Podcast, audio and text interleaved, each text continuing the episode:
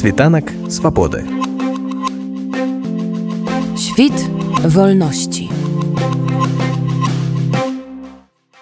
Выборы в Турции, они были э, определенной борьбой, конкуренцией между разными политическими силами, на выборах участвовали несколько кандидатов. Конечно же, в конце концов, во втором туре борьба произошла и происходила между двумя кандидатами. Это Кемал Кырждарглу и Режеп Тайп Эрдоган. Кемал Кырждарглу представляет э, Народно-республиканскую партию. Это оппозиционная партия, которая много лет выступала за те ценности, которые были в основе Турецкой республики, которые были у Мустафа Кемаля Ататюрка.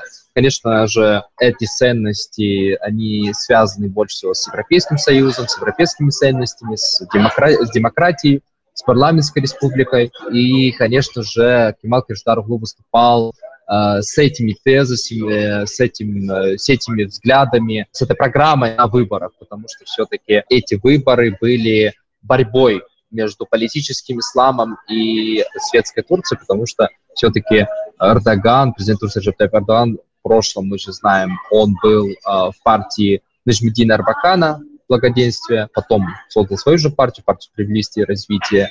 И, конечно же, он, можно сказать, больше сторонник политического ислама. Многие замежные аналитики и сама турецкая оппозиция были упэўненыя у тым что кемаль калыждараглу пераможа ў другім туры выбараў і, і мы памятаем там раней некаторыя кандыдаты таксама заклікалі сваіх выбаршчыкаў падтрымаць кандыдата ад апозіцыі ў другім туры тым не менш перамог эрдаган з чым на вашу думку гэта звязана ці можам мы казаць пра фальсификации на выборах в Турции? Можно сказать, что Эрдоган использовал административный ресурс. Все-таки важную роль в этих выборах имел административный ресурс. Был инструмент у Эрдогана, который он которым он воспользовался, потому что Кемал Криштарову все-таки он не был госуправленцем, он не был в госслужбе, он только занимался коррупционными делами, был финансистом. Все-таки у Эрдогана много инструментов. Во-первых, это СМИ, во-вторых, это административный ресурс. И, конечно же, в, при любых выборах административный ресурс используется. Это везде происходит в тех странах, где, можно сказать, есть определенные проблемы с демократией. Спойлеры, фальсификации. Но если говорить по поводу Турции, то не, не, наблюдалось, э, не наблюдались фальсификации, но больше всего наблюдалось то, что Эрдоган использовал административные ресурсы СМИ. Все-таки после переворота 16 года, попытки военного переворота, Эрдоган взял в свои руки средства массовой информации, и, конечно же, он воспользовался этим. Эрдаган ужо фактычна пры ўладзе ў Турцыі у яе вышэйшых эшалонах прыкладна чвэрць стагоддзя, што ў прынцыпе параўнальна і з лукашэнкам і з пуцінам і іншымі дыктатарамі. Ці можам мы казаць пра стварэнне дыктатуры ў Турцыі, ці з'яўляецца Эрдаган дыктатарам? Во-первых, если бы он был жестким диктатором, он бы ограничил все политические партии. То есть было бы как, не знаю, как в России сейчас. В Турции все-таки политические партии имеют важную роль, имеют влияние а, нет никаких ограничений, несмотря на то, что есть давление со стороны Эрдогана на оппозицию, на СМИ. Но, несмотря на это, как бы выборы были свободными, то есть не, были, не было никаких ограничений таких вот жестких. Конечно же, да, Турция сейчас э, будет больше превращаться в президентскую республику. То есть все будет в руках Эрдогана, в руках э, сторонников Эрдогана, соратников Эрдогана – родственников Эрдогана. И, конечно же, это будет противовес э, тем ценностям, которые были в период правления Мустафа Кемаля Ататюрка и то, что хотел Мустафа Кемаль Ататюрк. Сложно называть, можно ли его называть диктатором, но все-таки электорат Турции выбрал Эрдогана. То есть это были выборы, была конкуренция. Понятно, что он воспользовался ситуацией, он, как я сказал, использовал административный ресурс, но он пока что э, все равно верит в эту конкуренцию. То есть пока что демократические институты, они есть в Турции, есть избирательные кампании, есть э, выборы. Вот. И это значит, что, что пока называть его прям таким жестким диктатором будет сложновато, мне кажется. Все-таки он бы проиграл, если бы 2 миллиона, 23 миллиона граждан Турции проголосовали бы за Кемала Кашдарову. То есть разница была небольшой между э, Кемалом Ждарулу и президентом Турции Шептайп Эрдоганом. Все-таки Эрдоган всегда побеждает, получает 52, 53, 56, плюс-минус процентов и побеждает на выборах. Но оппозиция не смогла задействовать весь электорат. Эрдоган умеет использовать, умеет мобилизовать своих э, сторонников очень быстро. Одними из первых повіншаваўшых Эрдогана с перамогай стали такие особы, как Лукашенко, Путин, Орбан, Мерзіёев.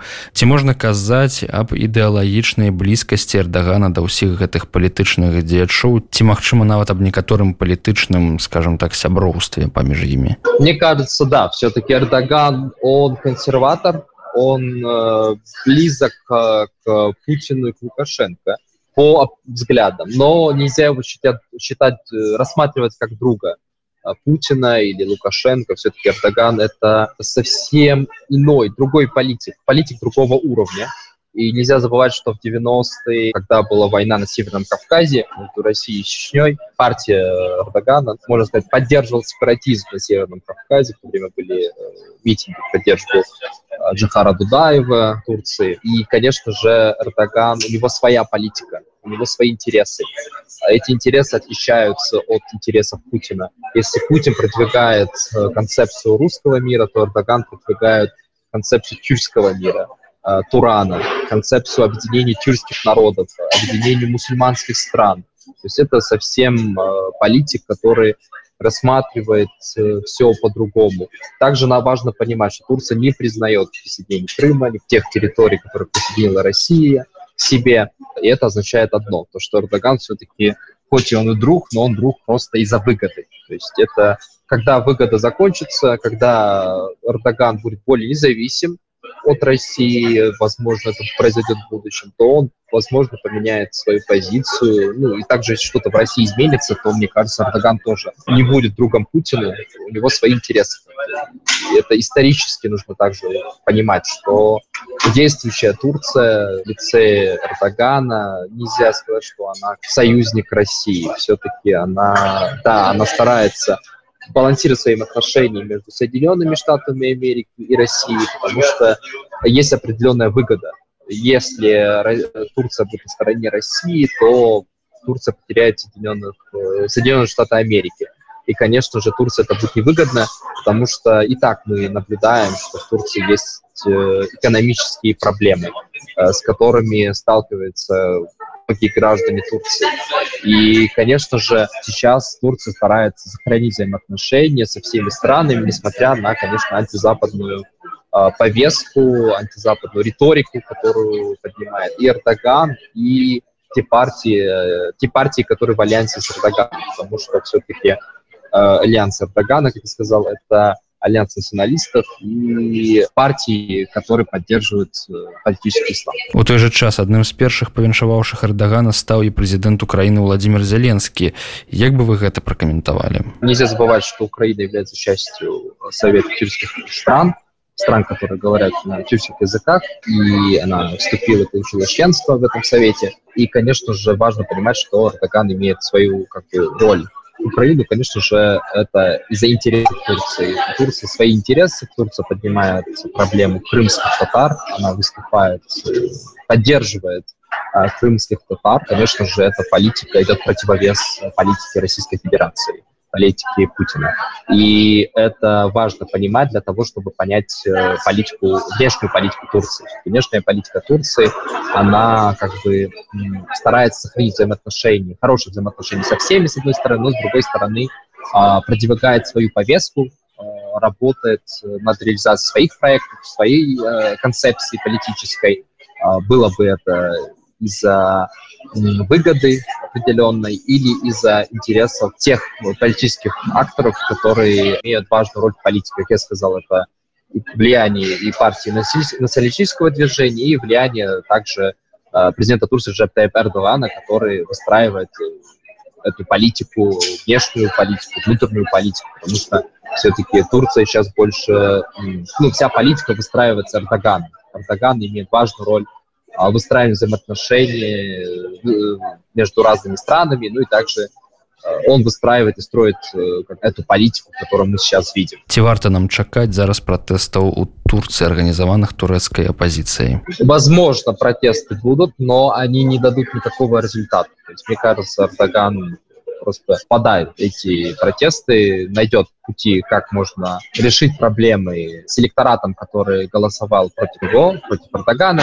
против партии справедливости и развития, потому что мы даже наблюдаем сейчас раскол в оппозиции. Сейчас видно, что оппозиция не смогла объединить себя, не смогла создать определенный альянс, коалицию, несмотря на то, что, а, да, была коалиция между разными политическими партиями, но эта коалиция, мне кажется, в ближайшее время не будет существовать, и это будет в пользу Эрдогана. Все-таки мы это уже сейчас наблюдаем. Мы наблюдаем, как, например, вот вчера СМИ а, были видеоролики, как многие сторонники Кемала Кырдждароглу протестовали против э, Кемала э, возле здания партии, Народно-республиканской партии, и э, против того, что он проиграл, потому что они ожидали, что будет результат другой. Ну и, к сожалению, да, конечно же, Эрдоган сейчас возьмет все в свои руки. Турция будет меняться, то есть она больше будет такой президентской страной, которая управляется одним человеком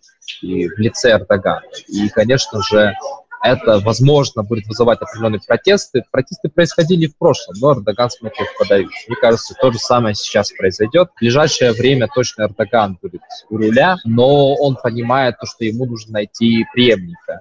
Возможно, э, следующий президент Турции это будет молодой э, политик э, Фатих Эрбакан что все-таки Фатих Арбакан близок к Эрдогану по политическому толку, по, политическим, по взглядам на определенные темы, потому что все-таки он сын Нижмедина Эрбакана. Нижмедин Эрбакан был наставником Эрдогана, а, был учителем Эрдогана, он его подготавливал, делал из него политика. Он стал политиком благодаря Нижмедина Эрбакана. И, конечно, мне кажется, что Фатих Эрбакан будет иметь определенную роль. Возможно, он как-то будет следующим президентом. Возможно, если я не ошибаюсь, но мне кажется, что он будет иметь важную роль э, в политике в Турции. Несмотря на то, что его партия набрала около 3% от суммарного процента голосов на парламентских выборах, несмотря на это, мне кажется, что из него будут создавать какую-то определенную личность, которая будет иметь влияние на политику Турции. Хотя есть и другие кандидатуры, которые могут стать следующим президентом Турции. Мне кажется, будет все-таки власть передаваться от Эрдогана к другому политику. То есть мне кажется, все-таки так это и произойдет. Эрдоган скажет, что я ухожу, вот мой наставник, вот мой человек, которого я хочу видеть э, президентом. Світанак swobody. Świt wolności.